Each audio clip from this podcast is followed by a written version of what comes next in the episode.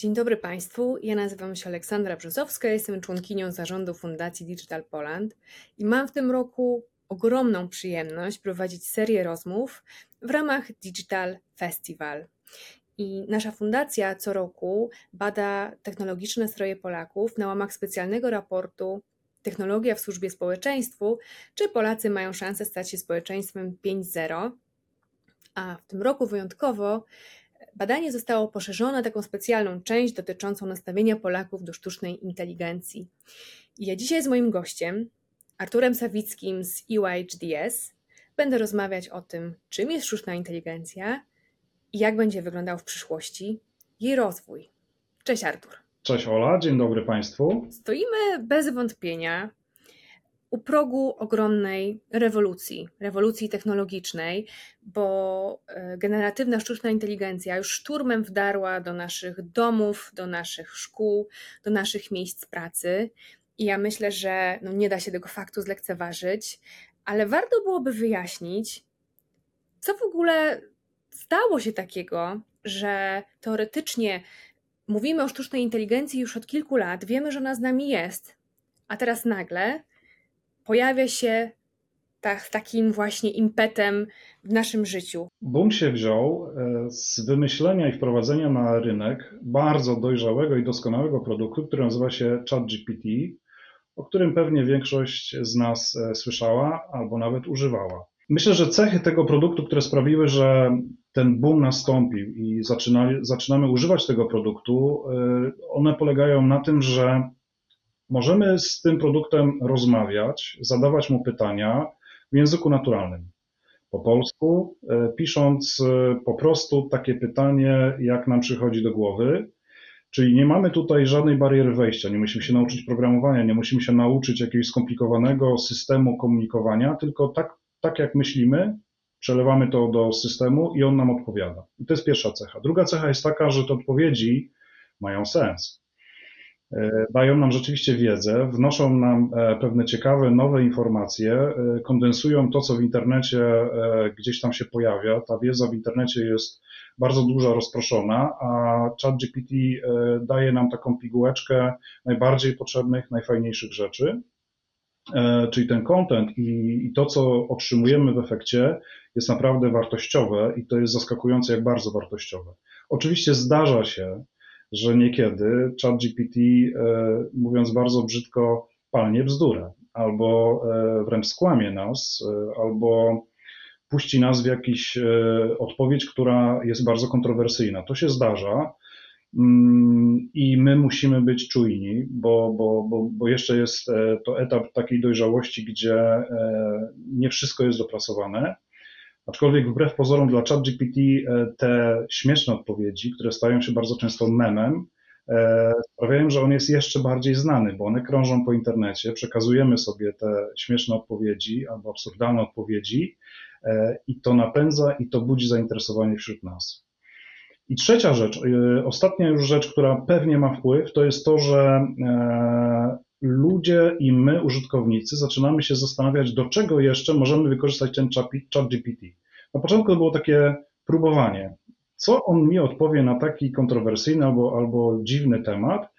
E, I te odpowiedzi były takie e, szukanie sobie, e, gdzie się kończy, gdzie się zaczyna jego wiedza i mądrość. Okazuje się, że ta wiedza jest bardzo dobra i dojrzała i zaczynamy rzeczywiście traktować go poważnie, nie jako takiego kogoś, z kim można sobie na błahostki i błahe tematy porozmawiać i zaczynamy testować, jak kreatywnie i jak ciekawie podpowie nam e, ChatGPT, mm, co możemy zrobić e, w danej sytuacji, albo wręcz pomoże nam w pracy, albo, albo wręcz pomoże nam rozwikłać jakiś konkretny problem biznesowy, albo ludzki, albo w szkole. E, I to rozwikłanie zaczyna być rzeczywiście przydatne i wartościowe. I zaczynamy coraz bardziej próbować, do czego jeszcze możemy go zastosować, i tych zastosowań jest bardzo dużo. Sztuczna inteligencja jest z nami od wielu lat. E, I to jest niezaprzeczalny fakt. Ale teraz mówimy o takim jakby nowym e, modelu sztucznej inteligencji, nazywanym e, generatywną sztuczną inteligencją, i że jest to część takich dużych modeli językowych. Czy mógłbyś wyjaśnić naszym dzisiejszym widzom, na czym w ogóle polega właśnie ta zmiana, ta rewolucja i, i czym się różni od swoich starszych wersji? Tak, rzeczywiście te e, duże modele językowe, tak tłumacząc na język polski e, to, co się wydarzyło, to jest też pewien przełom, który gdzieś tam pod spodem, e, oprócz tego, o czym powiedzieliśmy i tych zaletach, które sprawiły, że mamy boom, pod spodem pewna technologia też zmieniła się. Te systemy, na których działają modele sztucznej inteligencji, są coraz bardziej doskonałe technologicznie, mają większe pojemności, jeśli chodzi o miejsce na dyskach i też mają większą szybkość przetwarzania danych. I to sprawiło, że coraz więcej danych możemy gromadzić i coraz więcej danych możemy udostępniać modelom e, uczenia maszynowego i sztucznej inteligencji. I teraz e, sztuczna inteligencja jest tym bardziej mądra i mądrzejsza, im większy jest model, im większy jest zasób danych, informacji, na których ona pracuje i z których ona czerpie wiedzę i się uczy. Dlatego, że sztuczna inteligencja e, nie tworzy wiedzy, tylko ona wykorzystuje gotową jakąś e, próbkę wiedzy, którą mu jej dostarczymy i szuka sobie tam pewnych powiązań, relacji, korelacji i buduje na tej, e, na tej, na tej podstawie pewną, no właśnie, nazwijmy to w cudzysłowie, inteligencję.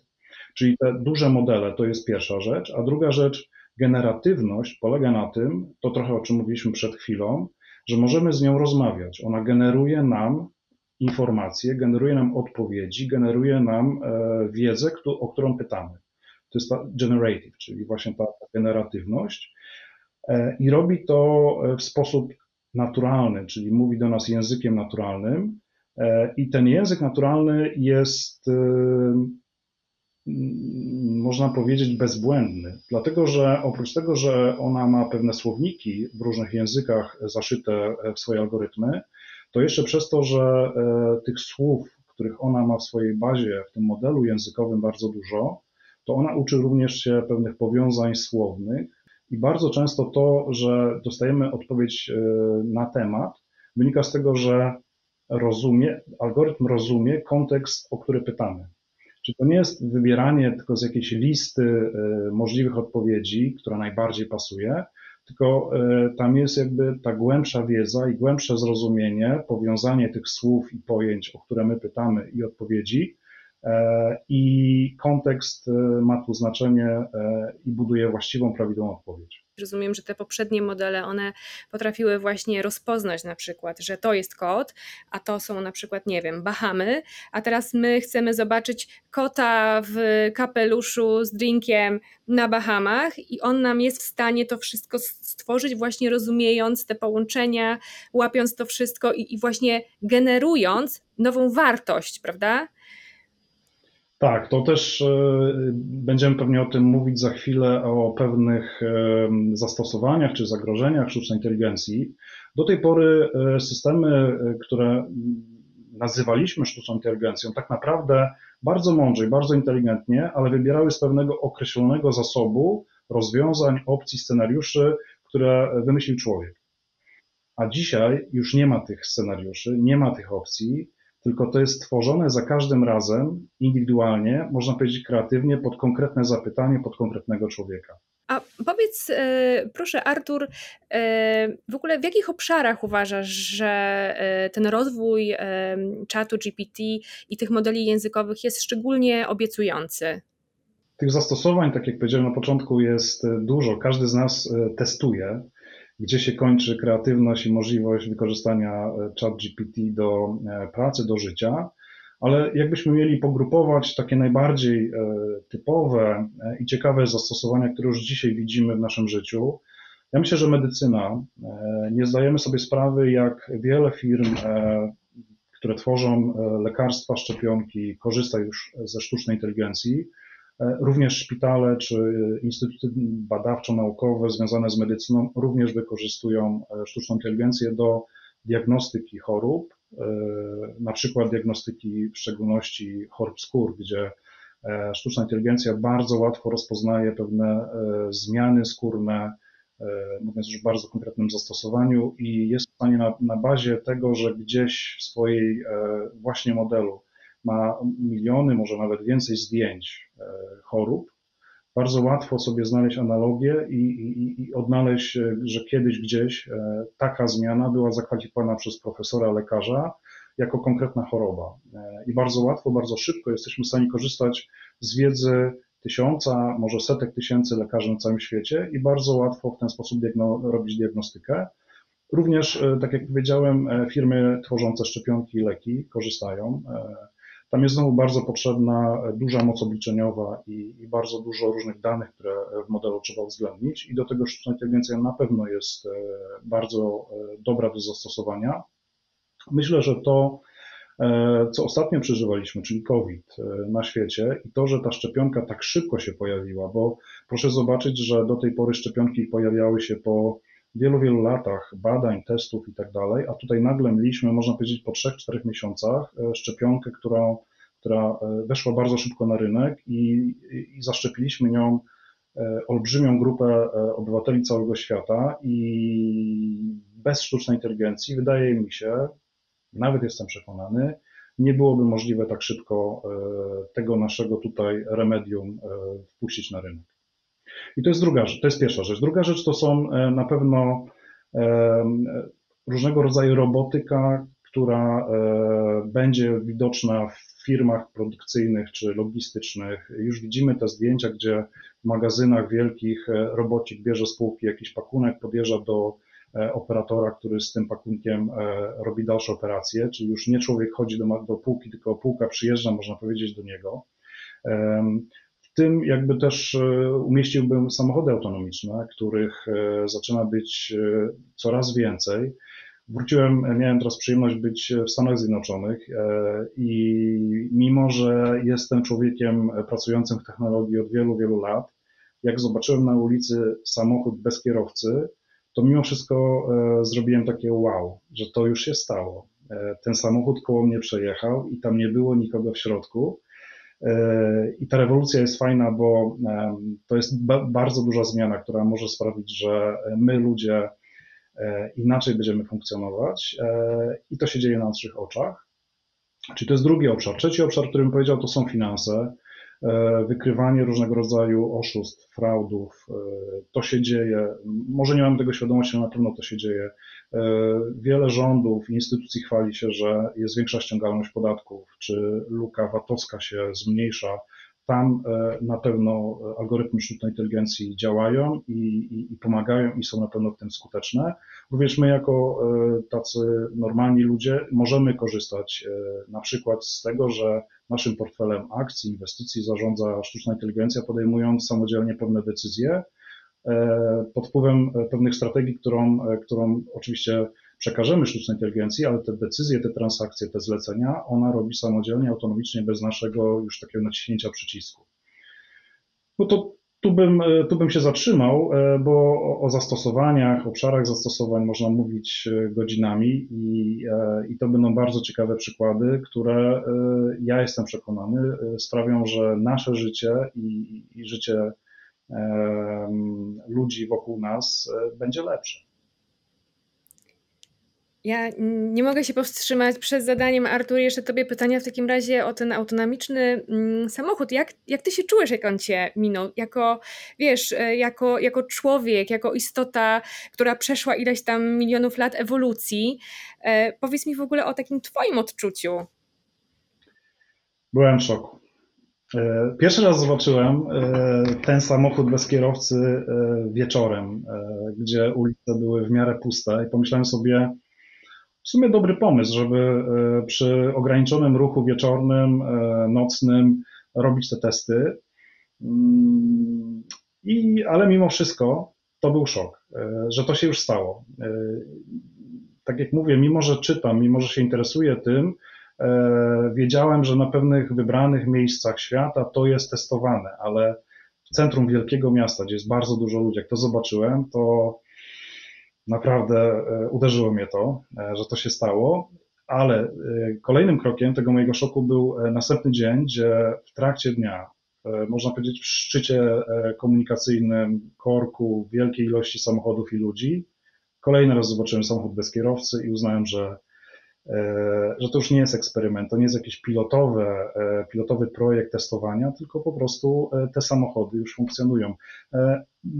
Później odkryłem, że to firma taksówkarska, jedna z kilku, po prostu wprowadziła i, i, i stosuje, i to jest już pewien normalna forma działania biznesowego tej firmy. Szok, szok. Brzmi to niesamowicie, bo z jednej strony, tak jak mówisz, pod osłoną nocy, to moglibyśmy przymknąć oko, ale tak w ciągu dnia, gdzie jest po prostu tyle różnych. Yy ryzyk, prawda? To, to myślę, że to jest bardzo odważny ruch, ale to też nas chyba od razu e, bezpośrednio kieruje do kolejnego pytania o tym, że każda taka zmiana, każda taka rewolucja właściwie, ona się wiąże i z korzyściami, i z zagrożeniami, bo jakiś czas temu bardzo głośno było e, też o takim liście otwartym amerykańskich naukowców, nawet podpisał to e, Elon Musk i właśnie oni zwracali uwagę na, na te zagrożenia. Tam było podkreślone to, że taki bardzo szybki i nieograniczony rozwój sztucznej inteligencji no, wypadałoby, trzeba byłoby właśnie powstrzymać na przykład na pół roku, po to, żeby opracować jakieś takie właśnie standardy bezpieczeństwa. I e, nawet e, Polacy, których niedawno przepytała e, Fundacja Digital Poland w ramach jednego z badań, są naprawdę praktycznie idealnie podzieleni w tej kwestii, bo 33% osób chce przyspieszenia rozwoju właśnie prac nad sztuczną inteligencją, no ale 29% nie chcę.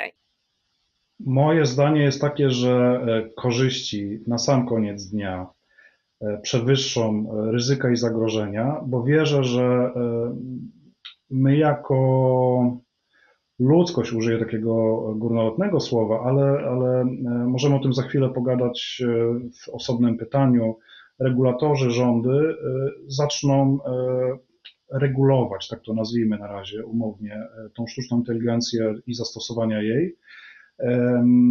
I to sprawi, że będziemy e, używać tego w sposób rozsądny. E, aczkolwiek ryzyka pewne są. I znowu opowiem tylko o jednym obszarze tych ryzyk, które później może mieć efekty w kilku miejscach, które, które gdzieś tam są w naszym życiu ważne.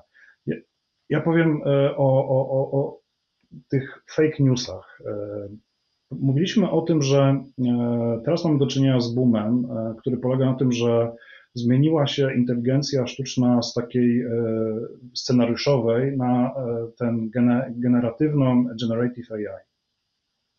Ta zmiana również ma wpływ i może mieć wpływ na to, że te treści, które będą się pojawiać wokół nas, czy w mediach, czy w social mediach, e, których używamy na co dzień, one będą jeszcze lepsze. Czyli po pierwsze, e, sama treść będzie bardzo ciekawa, bardzo emocjonalna, bardzo dopasowana do nas e, i podana nam w sposób idealnie pasujący do tego, czego chcemy usłyszeć i w jaki sposób chcemy tą treść otrzymać. Danych w internecie o nas, e, o każdym z nas zaczyna być coraz więcej i sztuczna inteligencja e, korzysta z tej wiedzy, no po to, żeby wiedzieć, e, co nas interesuje i w jaki sposób pewne informacje do nas najlepiej docierają. I teraz, jeżeli nad tym nie zapanujemy, to możliwość manipulacji przez sztuczną inteligencję sterowaną przez firmy, czy, czy, czy osoby, czy, czy, czy ludzi, jest na pewno dużym zagrożeniem. E, powiem tylko, gdzie to może się e, tak bardzo konkretnie zmaterializować. Pierwsza rzecz to wybory. E, mówi się, że te wybory prezydenckie w Stanach Zjednoczonych, które będą w przyszłym roku, to są ostatnie wybory, gdzie to kandydat generuje pewną treść i narrację i mówi o tej narracji, przekazuje informacje do swoich odbiorców i potencjalnych wyborców, bo kolejne wybory już całkowicie będą zdominowane i będą sterowane przez, przez, przez sztuczną inteligencję.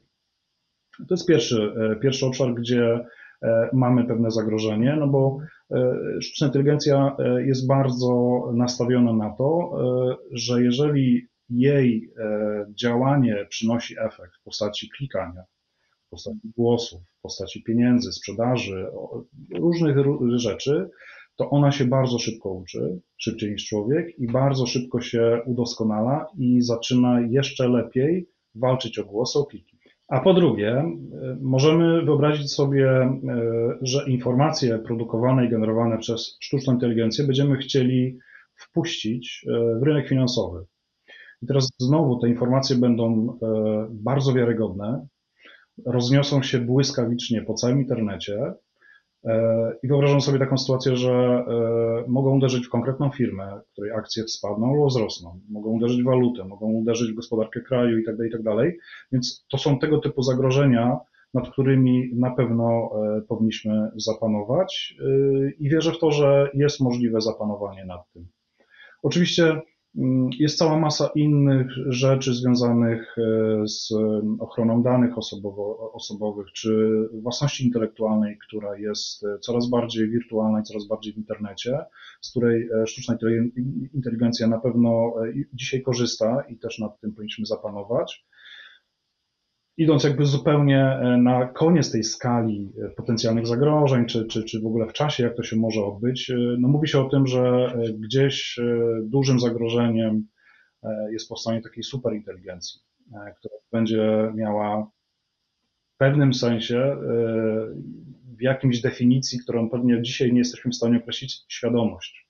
To już takie trochę science fiction, prawda, dla, dla nas ludzi, którzy jednak ta e, cyfrowa adopcja jednak jest dużo wolniejsza niż skoki technologii, które się odbywają, więc to, co mówisz, myślę, że na razie jest jakąś taką dużą abstrakcją, ale już się o tym mówi.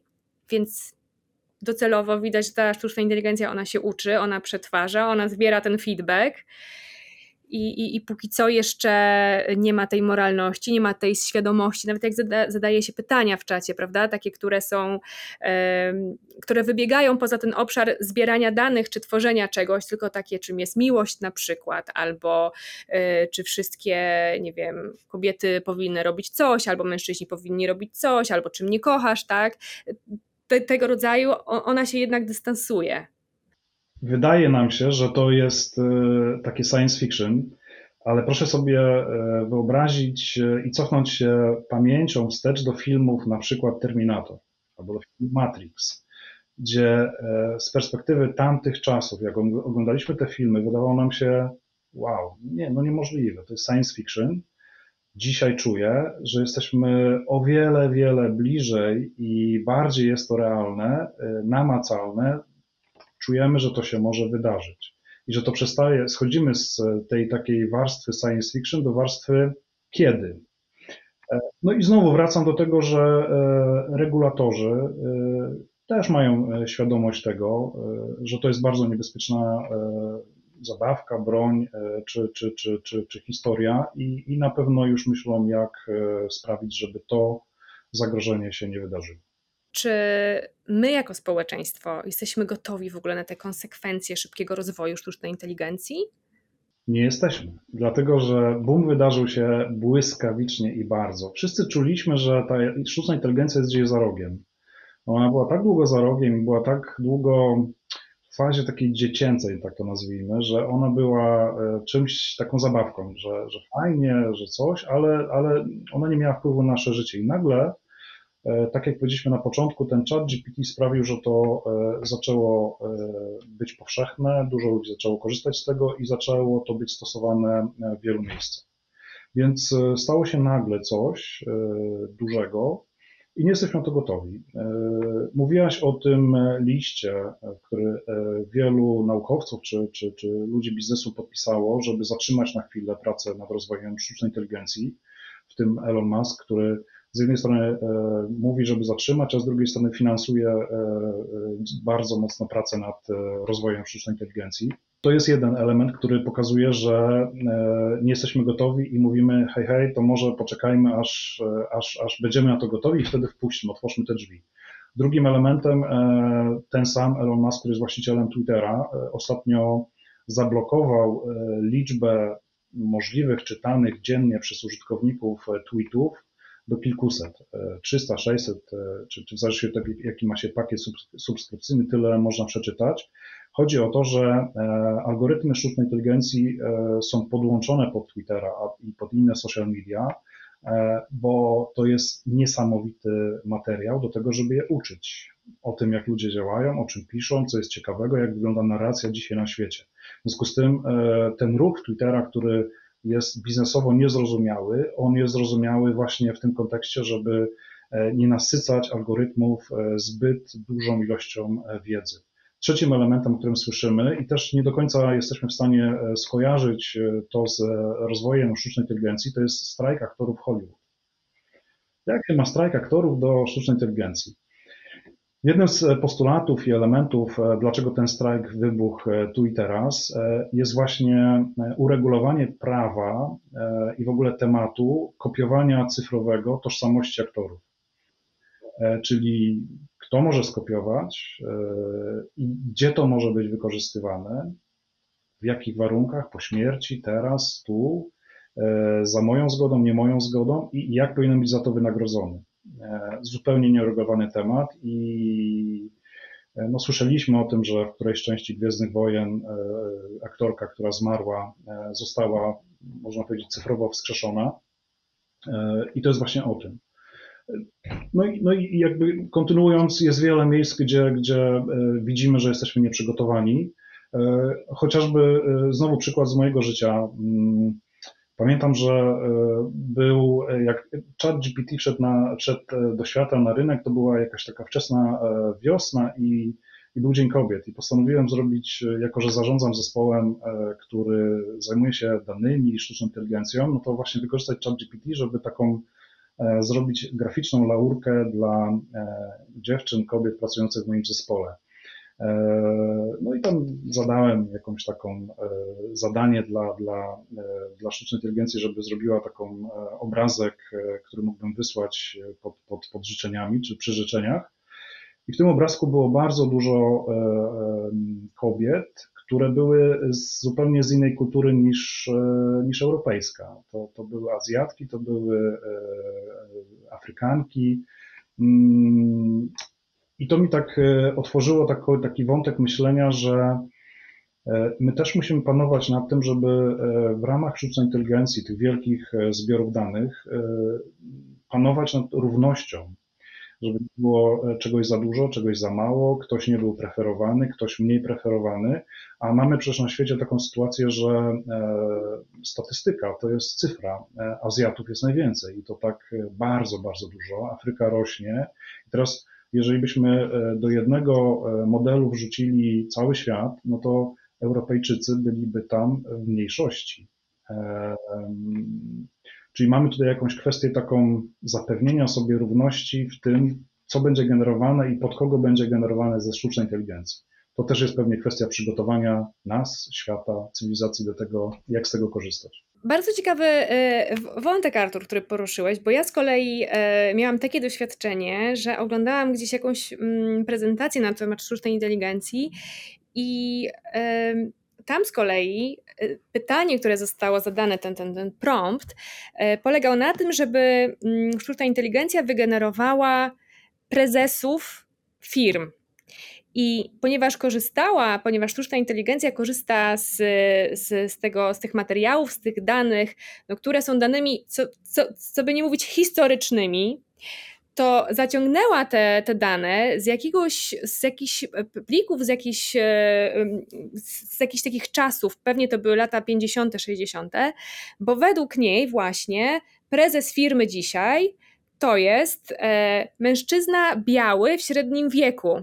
No i jednak ta stronniczość, brak obiektywizmu, e, no ona wynika po prostu z tego, że z takiego materiału korzysta, więc pewnie też jakość e, wejściowa e, i jego właśnie obiektywność, szeroka perspektywa, no później ma się, e, ma bezpośredni, po prostu bezpośrednie przełożenie na to, co jest generowane. No tak, ja myślę, że y, ciekawym tematem, mówiliśmy o tym, są te samochody autonomiczne i wszyscy wiemy, że to, że one jeszcze nie rozpowszechniły się na rynku, nie wynika z technologii, bo technologia już jest, tylko właśnie z kwestii etycznych y, i filozoficznych. Jakie decyzje ma podjąć samochód y, w sytuacji e, awaryjnej, tak? Co mówiąc bardzo brzydko i brutalnie wybrać? Kierowcy czy śmierć pieszego, dwóch pieszych i tak dalej. I to, że te samochody jeżdżą, to znaczy, że te decyzje gdzieś są w nich zaszyte. kto je zrobił, na jakiej podstawie etycznej to zostało zrobione, tego chyba nie wiemy i to też jest takim pytaniem o to, czy jesteśmy gotowi. A jeszcze dodam tutaj jeszcze taką inną warstwę. Prawdopodobnie te decyzje mogą być inne w Chinach, w Europie, a inne w Stanach. I teraz znowu, e, kto ma podjąć decyzję, jakie decyzje mają być podejmowane przez autonomiczne urządzenia, samochody czy, czy, czy różnego rodzaju algorytmy e, i, i różnicować je per kraj, per grupa ludzi, starszy człowiek, młodszy człowiek, uczeń, dziecko. Ojejku, e, mamy tutaj do rozwikłania bardzo wiele tematów i, no i mam nadzieję, że, że to się dzieje i już, już są instytucje, które nad tym pracują. To powiedz Artur w takim razie, kto powinien wyznaczać te standardy i czuwać nad tym, żeby były przestrzegane? W mojej opinii mamy tutaj e, bardzo duże zadanie dla regulatorów. Pod pojęciem regulatora mam na myśli rządy, mam na myśli Unię Europejską, mam na myśli instytuty badawcze, uczelnie, e, naukowców, profesorów. Wydaje mi się, że firmy y, informatyczne tego nie zrobią. Firmy, które wymyślały i które wpuszczają na rynek produkty związane ze sztuczną inteligencją. Widzimy to y, w przypadku y, dużych graczy na tym rynku, które rozwinęły całą sferę social mediów. I pewnie dzisiaj mamy taką refleksję jako ludzkość, że to nie poszło tak do końca, jakbyśmy chcieli. I teraz jest to bardzo dobry materiał, żeby się nauczyć, jakie błędy popełniliśmy właśnie wtedy e, w social mediach, e, dając zupełną swobodę dużym firmom i teraz ucząc się na tych błędów, plus dokładając e, nowe elementy, powinniśmy, powinniśmy chyba jako rządy, jako regulatorzy zapanować nad tym. I teraz jako Unia Europejska pierwsza podjęła tego tematu i w połowie czerwca, 14 czerwca została przyjęta e, bardzo ciekawa ustawa AI Act, e, która ma regulować e, na razie na etapie takim bardzo wstępnym, no właśnie te tematy, o których dzisiaj rozmawiamy. Ta ustawa na razie jest w fazie takiej bardzo wstępnej. Zostało przyjęte rozpoczęcie prac nad nią. Ona być skończona i wejść w życie w 2026 roku, czyli perspektywa jest dosyć odległa, co z jednej strony pokazuje, że e, no mamy poważne podejście, bo chcemy przepracować długo, mocno, szczegółowo, ale z drugiej strony e, trzy lata e, w tym obszarze bardzo dynamicznie się rozwijającym, no to jest epoka i przepaść i, i może być takie ryzyko, że jak już dojdziemy do, do, do efektu końcowego, to on już może być nieaktualny. Ale teraz bardzo krótko, co, co, ten, co ta ustawa, czy, czy, czy to, ta, ta rozporządzenie, czym chce się zająć bardzo szerokim spektrum. E, wymienię tylko kilka takich ciekawych obszarów, których, których dotyka ta ustawa. Pierwszy obszar to jest to, żeby sztuczna inteligencja nie mogła być stosowana e, w świecie, nazwijmy to policyjnym czy, czy, czy, czy prewencyjnym, czyli żeby człowiek nie mógł być aresztowany na bazie przewidywania, że ten człowiek może za chwilę coś złego zrobić. E, mamy przykłady, że e, takie rzeczy się gdzieś wydarzyły i mamy przykłady, że niekiedy niektóre decyzje były dobre, a niektóre decyzje były złe. W związku z tym to jest pierwszy obszar, który chcemy regulować. Drugi obszar to jest e, wykorzystywanie mm, pewnego identyfikowania obrazu naszej twarzy, naszego ciała i czytanie z tego obrazu emocji i stosowanie tych emocji do pewnych decyzji czy do reakcji przez system informatyczny czy przez urzędy no możemy sobie wyobrazić, że w szkole e, możemy chcieć wiedzieć, czy dziecko umie, nie umie, e, czy nas oszukuje, czy nas nie oszukuje. E, w sklepach widzimy, że jak ktoś patrzy, czy zaczyna się pytać o dany produkt, to ktoś to kupi albo nie kupi. Widzimy to pewnie po mimice. Ta komunikacja niewerbalna, wbrew pozorom, jest bardzo ważna w, w komunikacji ludzkiej i z tego czytania możemy bardzo dużo wnioskować. E, no i tego typu rzeczy bardzo, bardzo w wielu miejscach mogą być wykorzystywane, a my jako ludzie nie chcemy, e, żeby ktoś wiedział o nas właśnie te rzeczy i wykorzystywał przeciwko niekiedy nam. Trzecia rzecz to jest e, taka, taki social scoring, czyli żeby zbierając dane o naszym zachowaniu fizycznym i wirtualnym, żeby na bazie tego zachowania i pewnych postów, które gdzieś tam publikujemy, opóźnień w płatności, czy, czy, czy płatności za ubezpieczenie, jakichś lekarskich rzeczy, żeby te dane były zebrane w jakiejś centralnej bazie danych i na bazie tego dostalibyśmy ocenę 5, 8, 10, 20, która by mówiła, że jesteśmy lepszym albo gorszym obywatelem i mamy dostęp do więcej albo do mniejszych usług od państwa.